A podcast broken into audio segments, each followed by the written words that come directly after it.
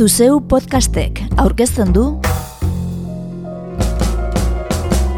Urpeko bombarda anartz bilbaorekin.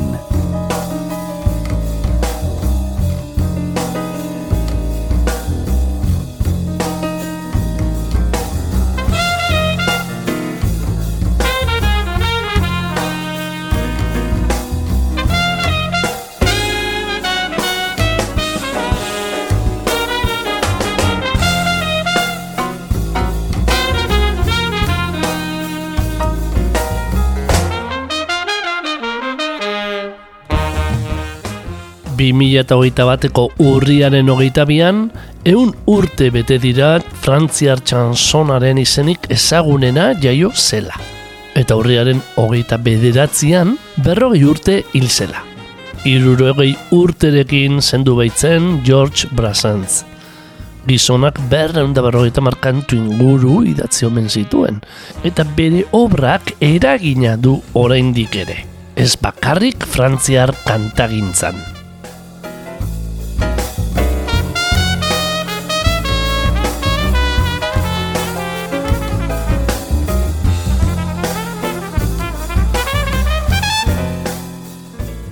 Gaur urpeko bombardan brazentzen musika entzungo dugu.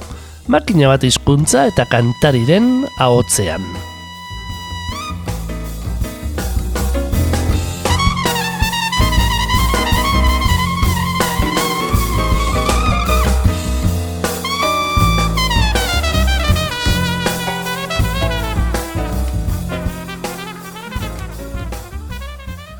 Brazentzen mendeurrenaren karira, kantari zaharren gaindiezintasuna idatzi du itzi arrugarte kasetariak berria egunkarian. Gorko saioan baliatuko dugun idatzia. Honela dio, Atahualpa Yupankiren, Luis Jacken, Violeta Parraren, Jacques Brelen, Edith Piafen, Charles Asvanouren, George Mustakiren, Mercedes Sosaren eta soka horrek lotu ditzakeen gizako beste hainbat izenen ondora bildu du denborak George Brasenzena. Lirismoaren eta protesta kantuaren protagonisten artera. Chanson francoiseren ikur nabarmenetakoa izan zen kantaria. Nabarmenena ez bada, baina hortik arago musikaren eremua gainditu zuen erreferentetzat daukate askok. Hitzarekin eta eskerreko pentsamenduarekin erakutsi zuen engaiamendua tarteko. Egoera historikoak markatutako giro hotzean, ordura arte zoikoa zen ausardia askantatu zien botereari, burgesiari, poliziari, sexuari, gizakiaren askatasunari. Melodia soil eta dotoreekin erdietzi zuen fama, baina zuen inoiz maite izan arrakasta beti da gaizki ulertu bat, adierazi zuen beinola. Milatik gora dira egun ordea, Frantzian haren izena daramaten eskolak, kaleak, plazak, beste horren beste, disiplina edo delarik ere haren eragina aitortzen segitzen duten artistak. Biziko balitz, eun urte beteko lituzke brasenzek. Bigarren mundu gerraren ostekoak markatutako Frantzia batean, Mila bederatzen berrogeita amarreko amarkadan urratu zuen bidea modu publikoan. Bere lan ezagutzen zuten adizkideek akuilatuta. Parisko kabaret bateko jabeak emandako bultzada gogoratzen zuen handik urte batzuetara elkarrizketetan. Aitortuz, brazentzen gandik balitz, ez itzaiola importako bere abestiak bestek kantatzea. Mila bederatzi da berrogeita mairuan, fama txarra diskoarekin atera zen lehenengoz estudiotik. Eta mabilan grabatu zituen denera, begirada anarkista batek zeharkatuak denak. Pentsamendu horrek sendotu zuen haren izar izaera. Antimilitarismo zutzuak eta moral burgesaren kritika zorrotzak. Maiaren kontra erritmo bat markatzen hasi, errimak zirriboratu, eta pianoan oinarri bat landu sortu izituen bere konpozizioak. Inoiz ez gitarrarekin, ura bazuen ere lagunik leia lehena, bibote sarria eta egurrezko pipa bezain bat.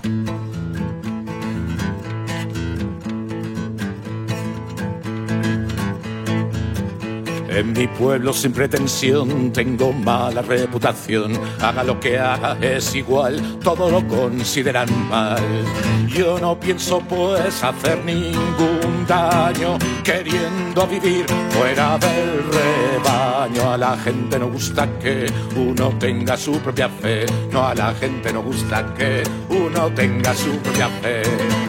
Todos, todos me miran mal salvo los ciegos es natural.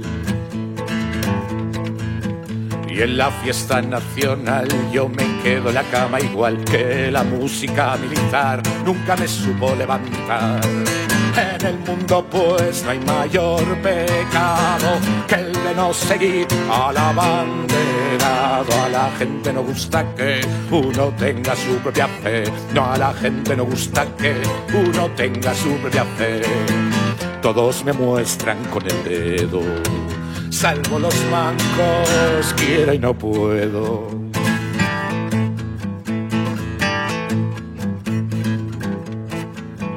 No hace falta saber latín para saber cuál será mi fin. En el pueblo se empieza a oír muerte, muerte al villano vil.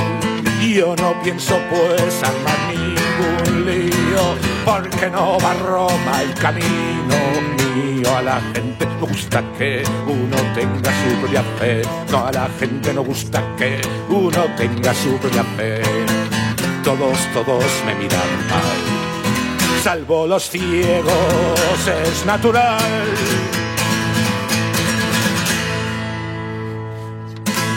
George Brazentzen kanturik ospetsunetako bat da fama txarra.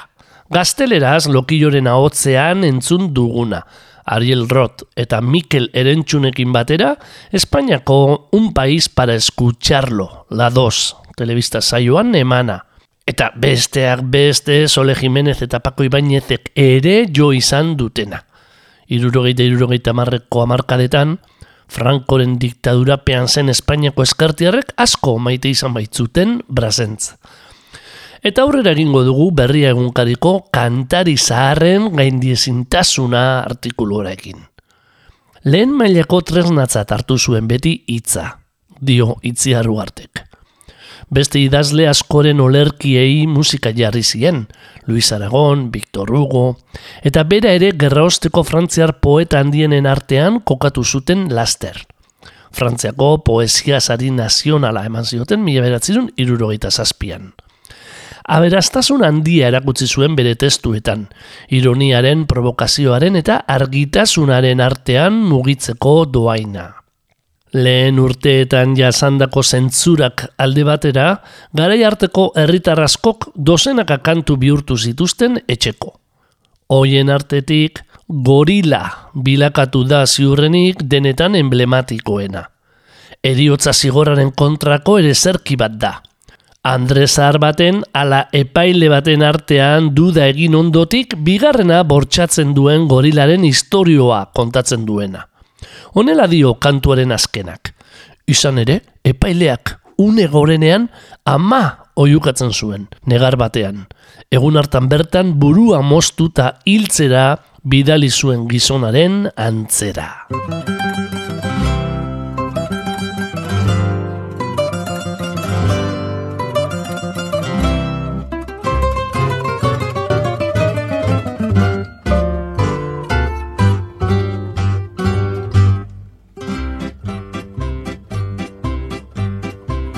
À travers de larges grilles les femelles du canton contemplent les impuissants gorilles sans souci du camp, dira-t-on.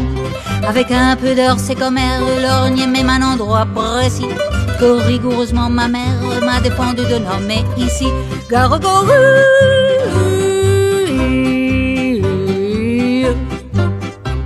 Tout à coup, la prison bien close où vivait le bel animal c'est pourquoi je suppose qu'on avait dû la fermer mal. Le singe sortant de sa cage dit c'est aujourd'hui que je le perds. Il parlait de son pucelage, vous aviez deviné j'espère, car le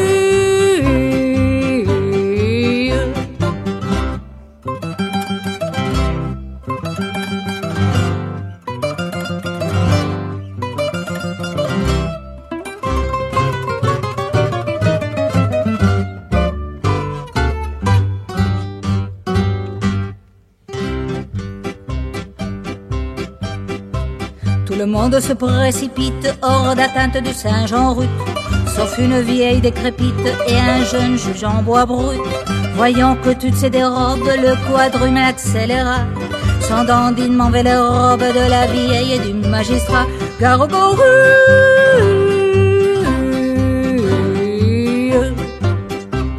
Va soupirer la centenaire qu'on puisse encore me désirer. Ce serait extraordinaire et pour tout dire inespéré.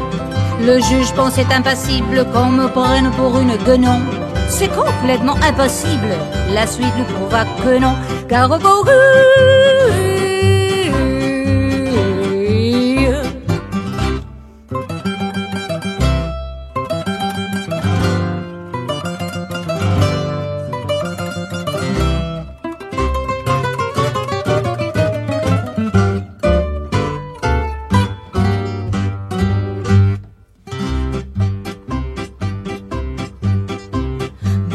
malheur s'il gorille, au jeu de l'amour sans prix. On sait qu'en revanche il ne brille ni par le goût ni par l'esprit. Le rôle adopte pour la vieille comme l'aurait fait n'importe qui. Il saisit le juge à l'oreille et l'entraîna dans un maquis. Car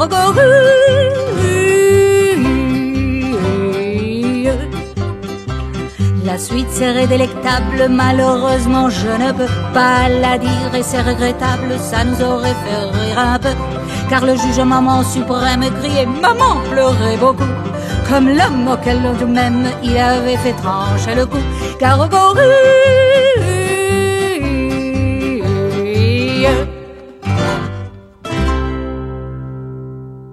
Eriotza zigorraren kontrako gorila eman digu Maria Lavallek. Argentinan jaio eta gazteleraz ez ezik, portugesez, ingelesez eta entzun berri dugunez, frantzesez ere kantatu izan duen musikari ibiltariak. Brazentzek eragin izugarria izan baitu ondorengo belaunaldien kantagintzan.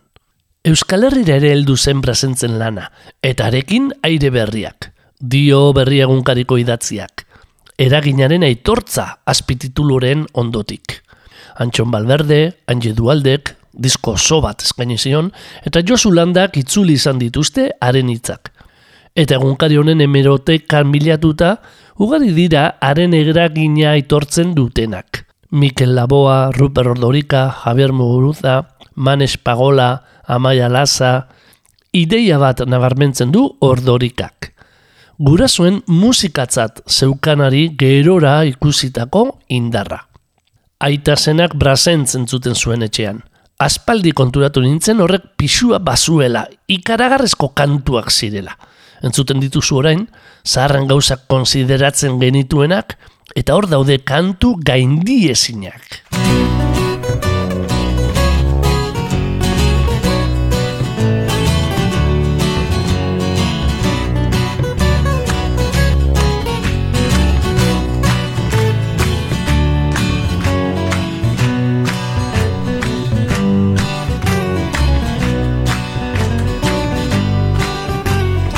Ez nuen inoiz txapelik endu Ne horren aurrean.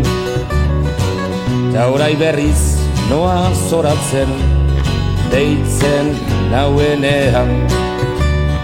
Otxo nintzen ta bere eskutik Jaten dut geroztik.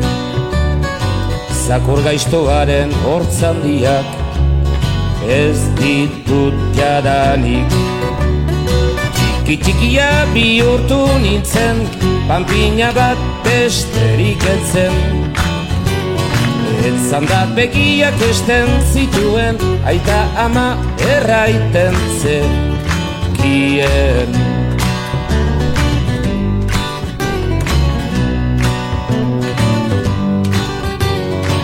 Beti izan naiz oso eroskorra Azerraldaketa Urtu egin naiz berez painetan Izotzen antzera. Ezpain gozoak, ezpain txamurrak Konten dagonean Bihurtzen dira mutur luzean Kasarre denean.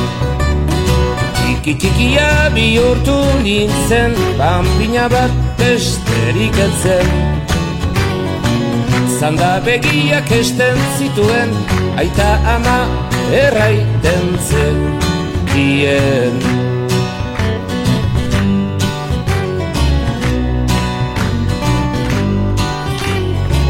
Segi behar ditut bere legeak Akindu guziak Zentzugabeko erokeriak Ta eloskeriak Neska xarman bat behina gertu zen Etxeko atarian. Golpe derrak bildu zituen Bere hausardian txiki txikia bihurtu nintzen Pampina bat besterik etzen Etzan da begiak esten zituen Aita ama erraiten zen Dien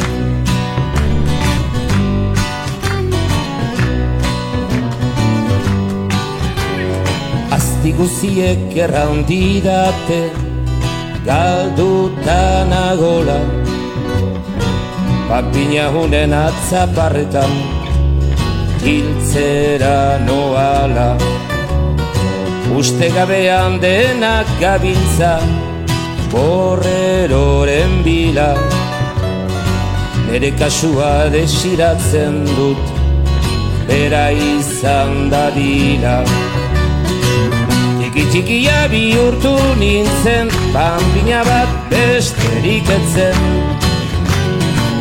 Zanda begiak esten zituen Aita ama erraiten zen. Kien Tiki tiki jabi urtu nintzen Pampina bat besterik etzen. Zanda begiak esten zituen Aita ama erraiten zen. Kien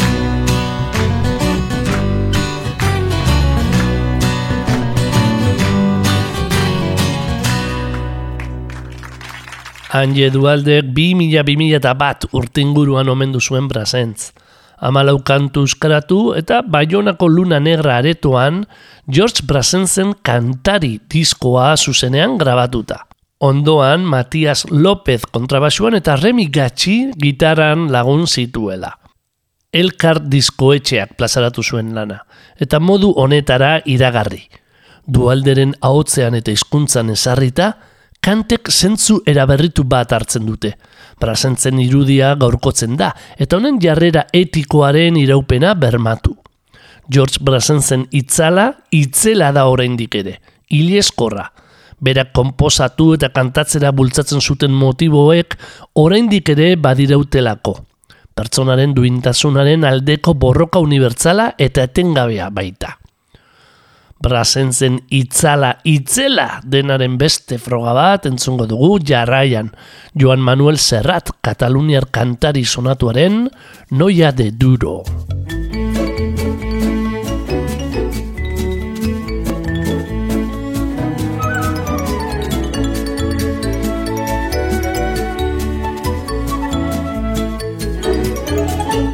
Fa temps quan jo vivia al barri condemnat, més bèstia que altra cosa. Un borratxo com jo, per un duro pelat, em va vendre l'esposa. Quan se'n va estirar al llit, més dolça que la mel, fent volar la faldilla. Em va semblar segur que em prenien el pèl servint-me pecotilla. Torna't a embolicar i guarda el teu encant, ets massa esprimatjada. Sóc un panxa content i poc em satisfan les mides d'arengada. Ves amb el teu marit, el duro es pot quedar, me'n fot i no menteixo. Però ell amb to submís la vista va baixar, dient-me et prefereixo.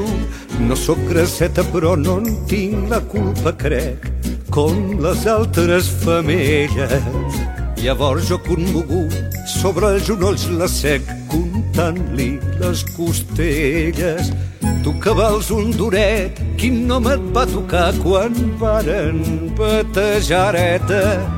Em dic Nineta, Nina, amb tu jugar arribaré a estimar-te i aquells sac d'ossos durs que en un moment primer no m'atreia tot d'una m'ha entrat al fons del cor i no la cediré per tota una fortuna.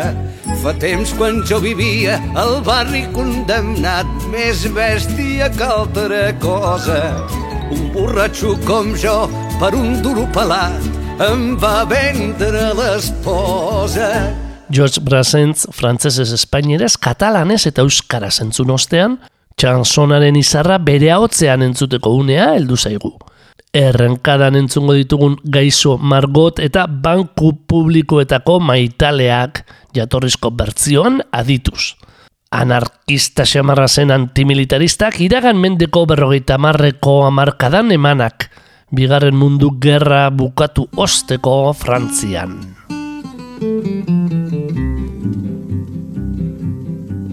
Margoton, la jeune bergère, trouvant dans l'herbe un petit chat qui venait de perdre sa mère, l'adopta.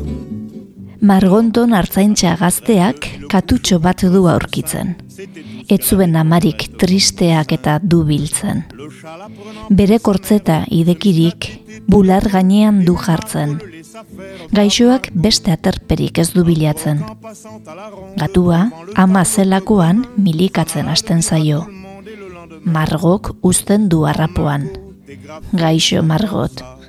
Ustu bat zagona begira, irudia ikustean kontatzera doa herrira eta segidan. était la la la la la la la était la la la la la la la et Margot qui était simple et très sage présumait que c'était pour voir son chat Margok eranztean bere jantziak, ase naiz bere katua, herriko herriko gizon guztiak hor zirela lara lara lala, hor zirela lara lara lala. Ta Margok uste zuen, abilak bere gatuarentzat zela. Herriko herriko gizon guztiak hor zirela lara lara lara, hor zirela lara lara lara. Herrientak hori ikusteko, hausapez eta ikaskinak denek usten zituzten geroko beren lanak. Beti presaka den pietunak ez zuen kartarik banatzen sekula neork ez zituenak irakurtzen. Ikusteko jaungoiko abarka, beheterrek mesa artean uzten dute apesa bakarka aldarean. Jendarmeak, jendarmeak ere berez hain eztia direnak, gelditzen dira begirale urde zikinak. et Margot qui était simple et très sage Baina herriko emazteak, senar eta galantik gabe, erraren minez beteak kesu dirade. Egun batez, asarre betez dute deliberatua. Hiltzen dute makila kolpez gaixo gatua. Kontsolatzeko gure hartzaintzak senar gazte bat du hartu, eta beretzat dituen xermak gordetzen ditu. Denborak berea du bete. Bipildu du oroimena, bakarrik agureek dute kontatzen dena. et ne dévoila plus ses charmes que pour lui. Le temps passa sur les mémoires, on oublia l'événement, seuls des vieux racontent encore à leurs petits-enfants. Quand Margot dégrafait son corsage pour donner la gougoute à son chat, tous les gars, tous les gars du village étaient là la la la la la la, étaient là la la la la la la. Et Margot, qui était simple et très sage, présumait que c'était pour voir son chat tous les gars, tous les gars du village étaient là la la la la la la, étaient là la la la la la la, étaient là la la la la la la la la la. Mila bederatzerun hogeita batean Frantziago aldean Kataluniatik gertu jaioa, bizirik zela hogei milioi disko inguru salduei zituen George Brassensek. Oso kantaera berezia zuela kontutan hartuta ez da ez marka makala. Les gens qui voient de travers pensent que les bancs verts qu'on voit sur les trottoirs sont faits pour les impotents ou les ventripotents. Mais c'est une absurdité car à la vérité ils sont là c'est notoire pour accueillir quelque temps les amours débutants. Les amoureux qui bécotent sur les bancs publics, bancs publics, bancs publics, en se foutant pas mal du regard oblique. Des passants honnêtes, les amoureux qui se bécotent sur les bancs publics, bancs publics, bancs publics, en se disant des je t'aime pathétiques, ont des petites gueules bien sympathiques. Ils se tiennent par la main, parlent du lendemain, du papier bleu d'azur, que revêtiront les murs de leur chambre à coucher. Ils se voient déjà doucement, elle cousent en lui fumant dans un bien-être sûr, et choisissent les prénoms de leur premier bébé. Les amoureux qui se bécotent sur les bancs publics, bancs publics, bancs publics, en se foutant pas mal du regard oblique. Des passants honnêtes. Les amoureux qui se bécotent sur les bancs publics, bancs publics, bancs publics, en se disant des je t'aime pathétiques, ont des petites gueules bien sympathiques. Quand la sainte famille machin croise sur son chemin deux de ses malappris, elle leur décoche hardiment des propos venimeux. N'empêche que toute la famille, le père, la mère, la fille, le fils, le Saint-Esprit, voudrait bien de temps en temps pouvoir se conduire comme eux. Les amoureux qui se bécotent sur les bancs publics, bancs publics, bancs publics, en se foutant pas mal du regard oblique des passants honnêtes. Les amoureux qui se bécotent sur les bancs publics, bancs publics, bancs publics, en se disant des je t'aime pathétiques, ont des petites gueules bien sympathiques. Quand les mois auront passé, quand seront apaisés leurs beaux rêves flambants, quand leur ciel se couvrira de gros nuages lourds, ils s'apercevront émus que c'est au hasard des rues sur un de ces fameux bancs qu'ils ont vécu le meilleur morceau de leur amour. Les amoureux qui se bécotent sur les bancs publics, bancs publics, bancs publics, en se foutant pas mal du regard oblique. Des passants honnêtes. Les amoureux qui se bécotent sur les bancs publics, bancs publics, bancs publics, en se disant des je t'aime pathétiques, ont des petites gueules bien sympathiques. George Brassens omentzen ari gara jaiotzaren mendeurrenean, eta bi kantu entzun bere. Brave Margot eta Les Amores de Banque Publique. Barka frantzesa oskatzeko modua. Hemen digaitzina eta handi dualderen baimenarekin, belaunaldi gazteagoek brasentzi egindako berrirakurketak izango ditugu nagusi. Frantzesez gehienak. Lehena, 2008ko Le Affair Brassens diskoko printzesa eta krokea. Francis Cabrel, Patrick Salien, Pascal eta Gian Bonefonek eta bestek emana.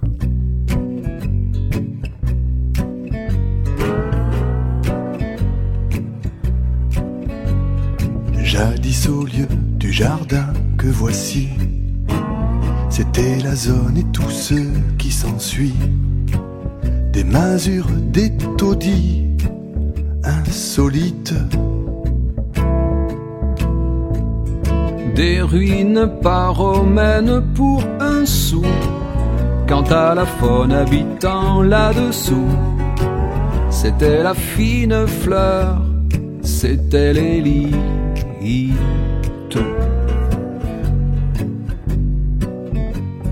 La fine fleur, l'élite du pavé, des besogneux, des gueux, des réprouvés, des mendiants rivalisants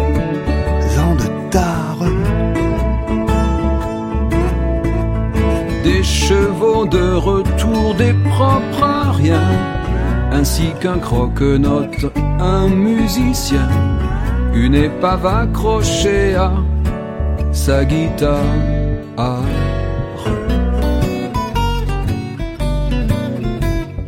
adopté par ce beau monde attendri. Une petite fée avait fleuri au milieu de toutes cette bassesse. Comme on l'avait trouvé près du ruisseau, abandonné en un somptueux berceau. À tout hasard, on l'appelait princesse.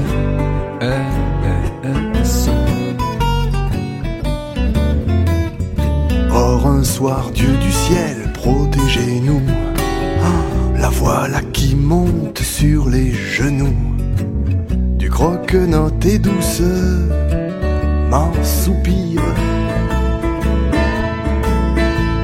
En rougissant quand même un petit peu, c'est toi que j'aime et si tu veux, tu peux m'embrasser sur la bouche et même pire.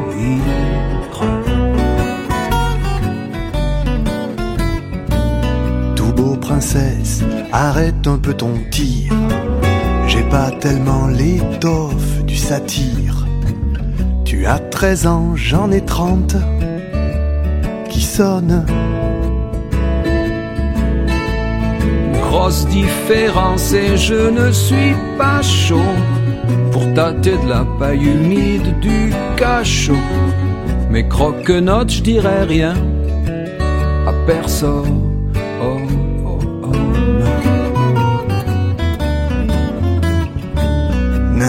Pas, fit-il d'un ton railleur. D'abord, tu n'es pas mon genre, et d'ailleurs, mon cœur est déjà pris par une grande. Alors princesse est partie en courant. Alors princesse est partie en pleurant. Chagrine connaît Boudet, son offrande.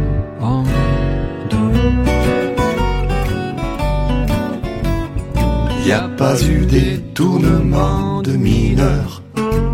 Le croque-note au matin de bonheur. À l'anglaise affilée dans la charrette. Des chiffonniers en grattant sa guitare. Passant par là quelques vingt ans plus tard. Il a le sentiment qu'il le regrette.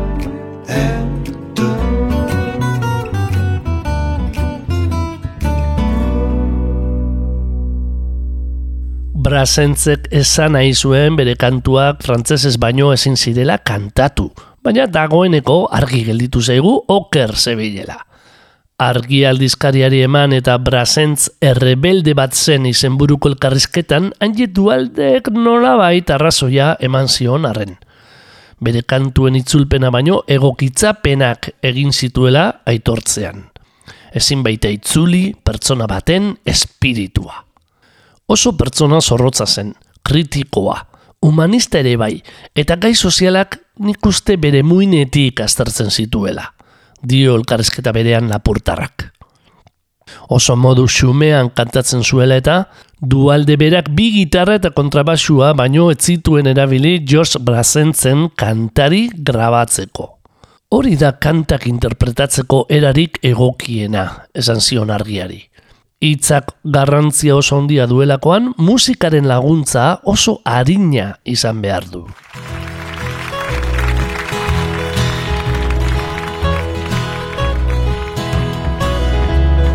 Sekulan ez da izan lurrean Ni bezalako maitale itxurik Bainan txua nuen begietan.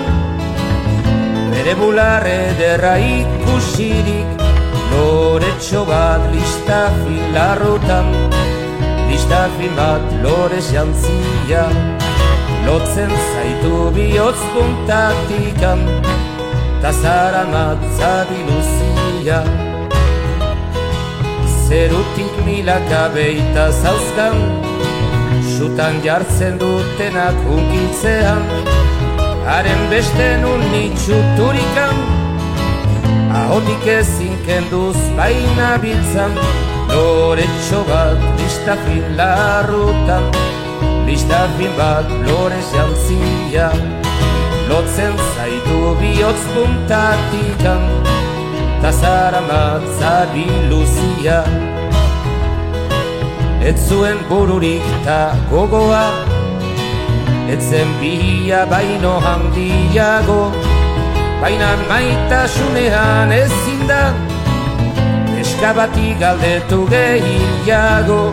Loretxo bat listafin larrutan Lista fin bat lore jantzia Lotzen zaitu bihotz puntatikan Da zara matzabi luzia.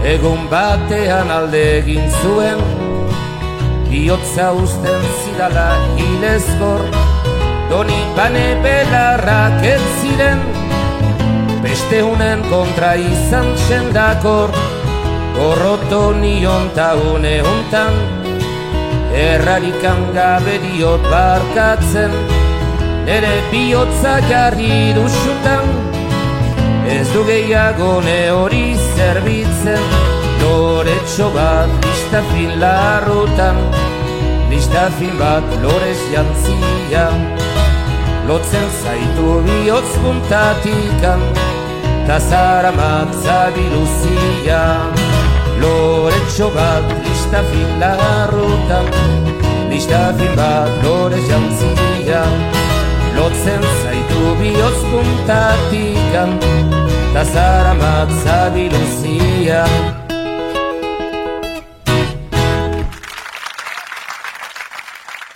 Loretxo bat entzun diogu anje dualderi. Eta lekopain da bohut entzungo dugu segidan. Klou eta natxek emana brazentzen omenez egindako enegarren lanetik. Lehenik adiskideak.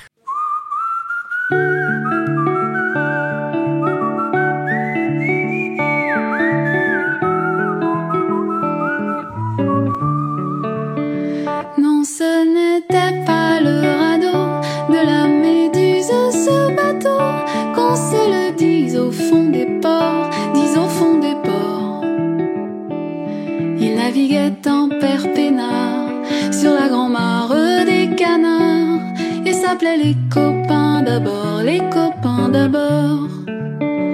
Ces fluctuates mergiture, c'était pas de la littérature, n'en déplaise aux jeteurs de sorts, aux jeteurs de sorts. Son capitaine et ses matelots n'étaient pas des enfants de salauds mais des amis franco de bord, des copains d'abord. C'était pas des amis de luxe, des petits castors et pollux, des gens de Sodome et Gomorre, Sodome et Gomorre. C'était pas des amis choisis par Montaigne et la poésie. Sur le ventre, ils se tapaient fort, les copains d'abord. C'était pas des anges non plus, l'évangile il l'avait pas lu, mais il s'aimait toute voile dehors, toute voile dehors. Jean-Pierre Paul et compagnie, c'était leur seule litanie, leur credo, leur confiteor, aux copains d'abord. Trafalgar, c'est l'amitié qui prenait le quart. C'est elle qui leur montrait le nord, leur montrait le nord. Et quand ils étaient en détresse, que leurs bras lançaient des SOS, on aurait dit des sémaphores, les copains d'abord.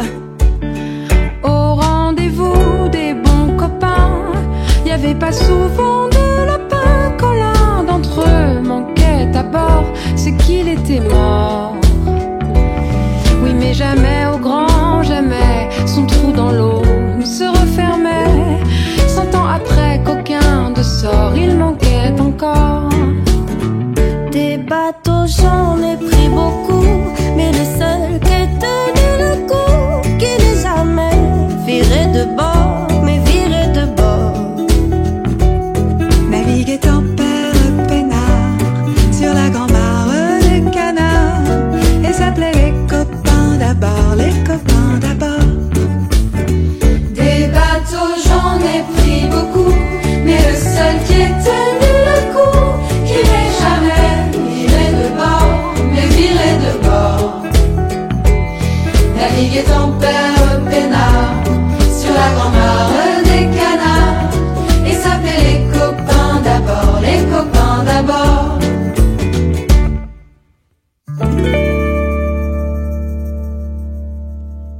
Mikel Laboak guk dakigula, ez zuen zuzenean brazentz kantatu, baina agidenez miresten zuen gizona. Herria eta hizkuntza kantua sortzeko, brazentzen kantu bat hartu baitzuen inspirazio gisa. Ez dago maitasun zoriontzurik. Bi kantuek melodia bera dute, eta elkarren errenkadan entzungo ditugu, entzule, kontura zaitezan. Aurrena, Mikel Laboaren herria eta hizkuntza. Eta ondotik, ilnia pa damur ere, pounek egindako berrirakurketan. Adi.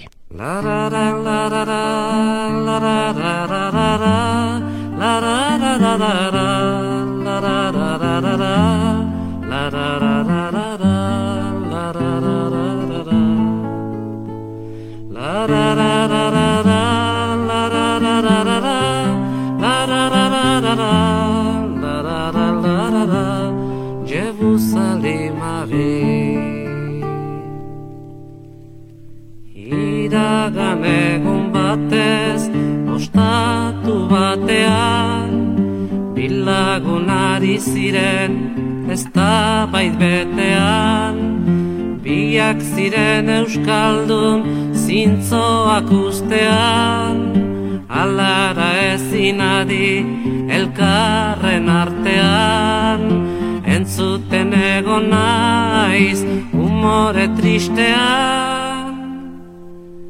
Ez dut osorik hartu baten parabola. Erderaz mintzo baitzen berak jakin nola Gure herri maiteaz zuela asola Hau bere gain beharra bertzen mendagola. Gora euskal herria frantxez ez diola. Bertze aldartu zen euskera garbia. Gure hizkuntza ez da agian Hori dugu bere isik guke euskal herrian. Gainerakotan gaude bezten negurrian Frantxez egin nagira joan den aspaldian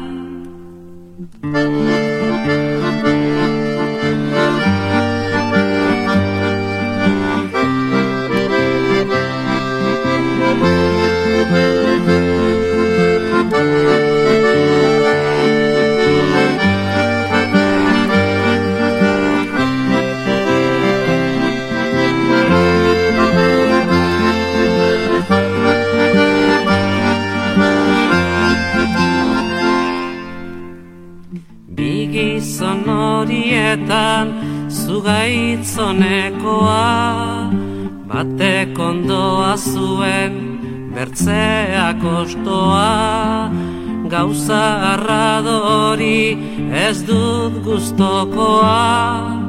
Mendian biziarren dut ikustekoa Gaztainaren aldaskez jantziripagoa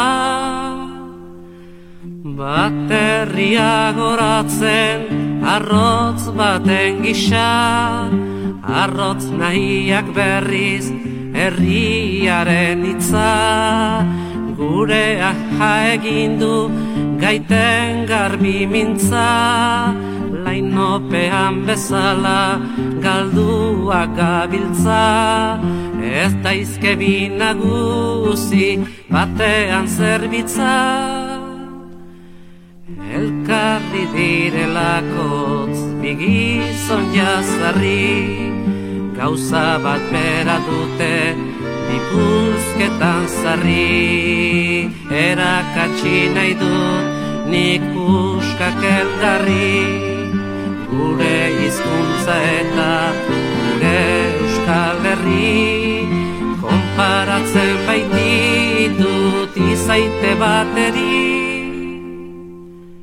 Anai arrebak entzun enea hotxa Izaite bat ez daike ez urutxe zosa. Herria da gorputza izkuntza bihotza. Bertzeti bere istean bitarik bakotxa izaite horrendako segurra hilotza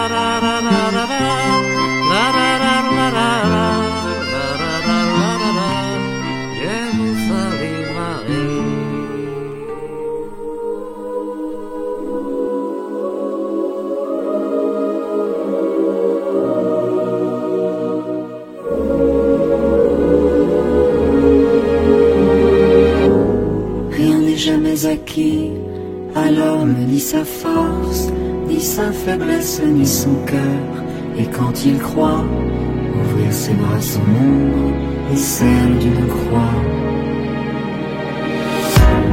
Et quand il croit serrer son malheur, il le broie. Sa vie est un étrange et douloureux divorce.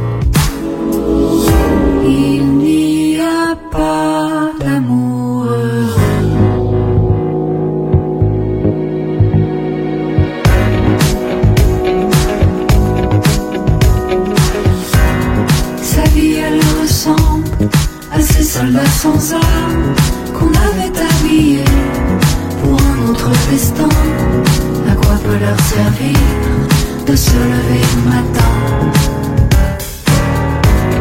Eux qu'on retrouve au soir, désolés incertains. Dites c'est mon avis et retenez vos larmes. Il n'y a pas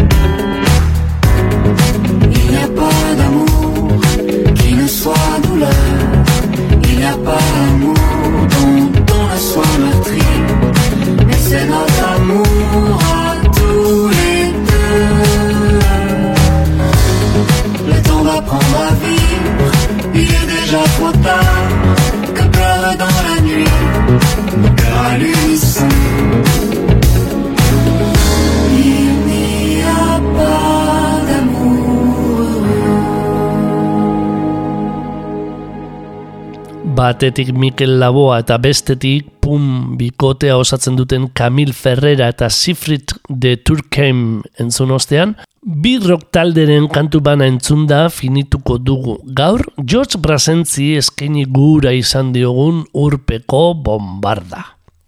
Etxean oso musika zaleak ziren arren, Brasentzek etzuen musika ikasi txikitan. Nota honak lortuz gero, musika eskolara eramango zutela agindu izioten gurasoek, baina ikasle kaskarra eizen mutikotan. Trobadore hasi baino lehen poetatzat hartua, novela bat ere argitaratua zuen dagoeneko. Eta bere kantuak beste batzuen ahotzean entzutea nahiago zuenez, lehen aldiz holtzak gainera igozenerako berrogeiak ondo beteak zituen. Ezoiko kantaria izan genuen Brasentz. Bere kantuetan hogeigarren mendea inork baino hobeto jaso zuena. Eta bere jaiotzaren mendeurrenean, makina bat dira gizonari egin dizkioten behar argitalpen eta omenaldiak. Les sabots d'Hélène étaient tout crottés. Les trois capitaines l'auraient appelée vilaine. Et la pauvre Hélène était comme une âme en peine. Ne cherche plus longtemps de fontaine, toi qui as besoin d'eau. Ne cherche plus aux larmes d'Hélène, va-t'en remplir ton seau. Eh monsieur, monsieur, Ouais. je peux chanter Hélène, allez viens avec moi, on chante, on chante ensemble. Moi j'ai pris la peine de les déchausser, les sabots d'Hélène, moi qui ne suis pas capitaine, et j'ai vu ma peine bien récompensée. Dans les sabots de la pauvre Hélène, dans ses sabots crottés, moi j'ai trouvé les pieds d'une reine, et je les ai gardés. Cette histoire. Mais moi aussi je veux chanter. Et moi, moi je veux Allez, mais venez, moi mais aussi j'aimerais Mais venez, bien si chanter on chante avec tous ensemble. Allez, venez avec nous. Son jupon de laine était tout mité. Les trois capitaines l'auraient appelée vilaine Et la pauvre Hélène était comme une âme en peine Ne cherche plus longtemps de fontaine Toi qui as besoin d'eau Ne cherche plus aux larmes d'Hélène Va-t'en remplir ton seau Je peux chanter avec vous. Et nous aussi on a envie de chanter. Allez, Jeanne, Hélène, Ninon, Susan, Margot, moi j'ai pris la peine de le retrousser. Le jupon d'Hélène, moi qui ne suis pas capitaine, et j'ai vu ma peine bien récompensée. Sous le jupon de la pauvre Hélène, son jupon mité. Moi j'ai trouvé des jambes de reine, et je les ai gardées. Et Jeanne, lâche ta canne. Allez, avec nous. Jeanne, Hélène, Ninon, Susan, ok ok, venez chanter. Allez, viens, C'est parti. Et le cœur d'Hélène ne savait pas chanter. Les trois capitaines l'auraient appelée vilaine Comme une peine Ne cherche plus. Longtemps de fontaine Toi qui as besoin d'eau. Ne cherche plus. Aux larmes d'Hélène Va t'en remplir. Ton seau.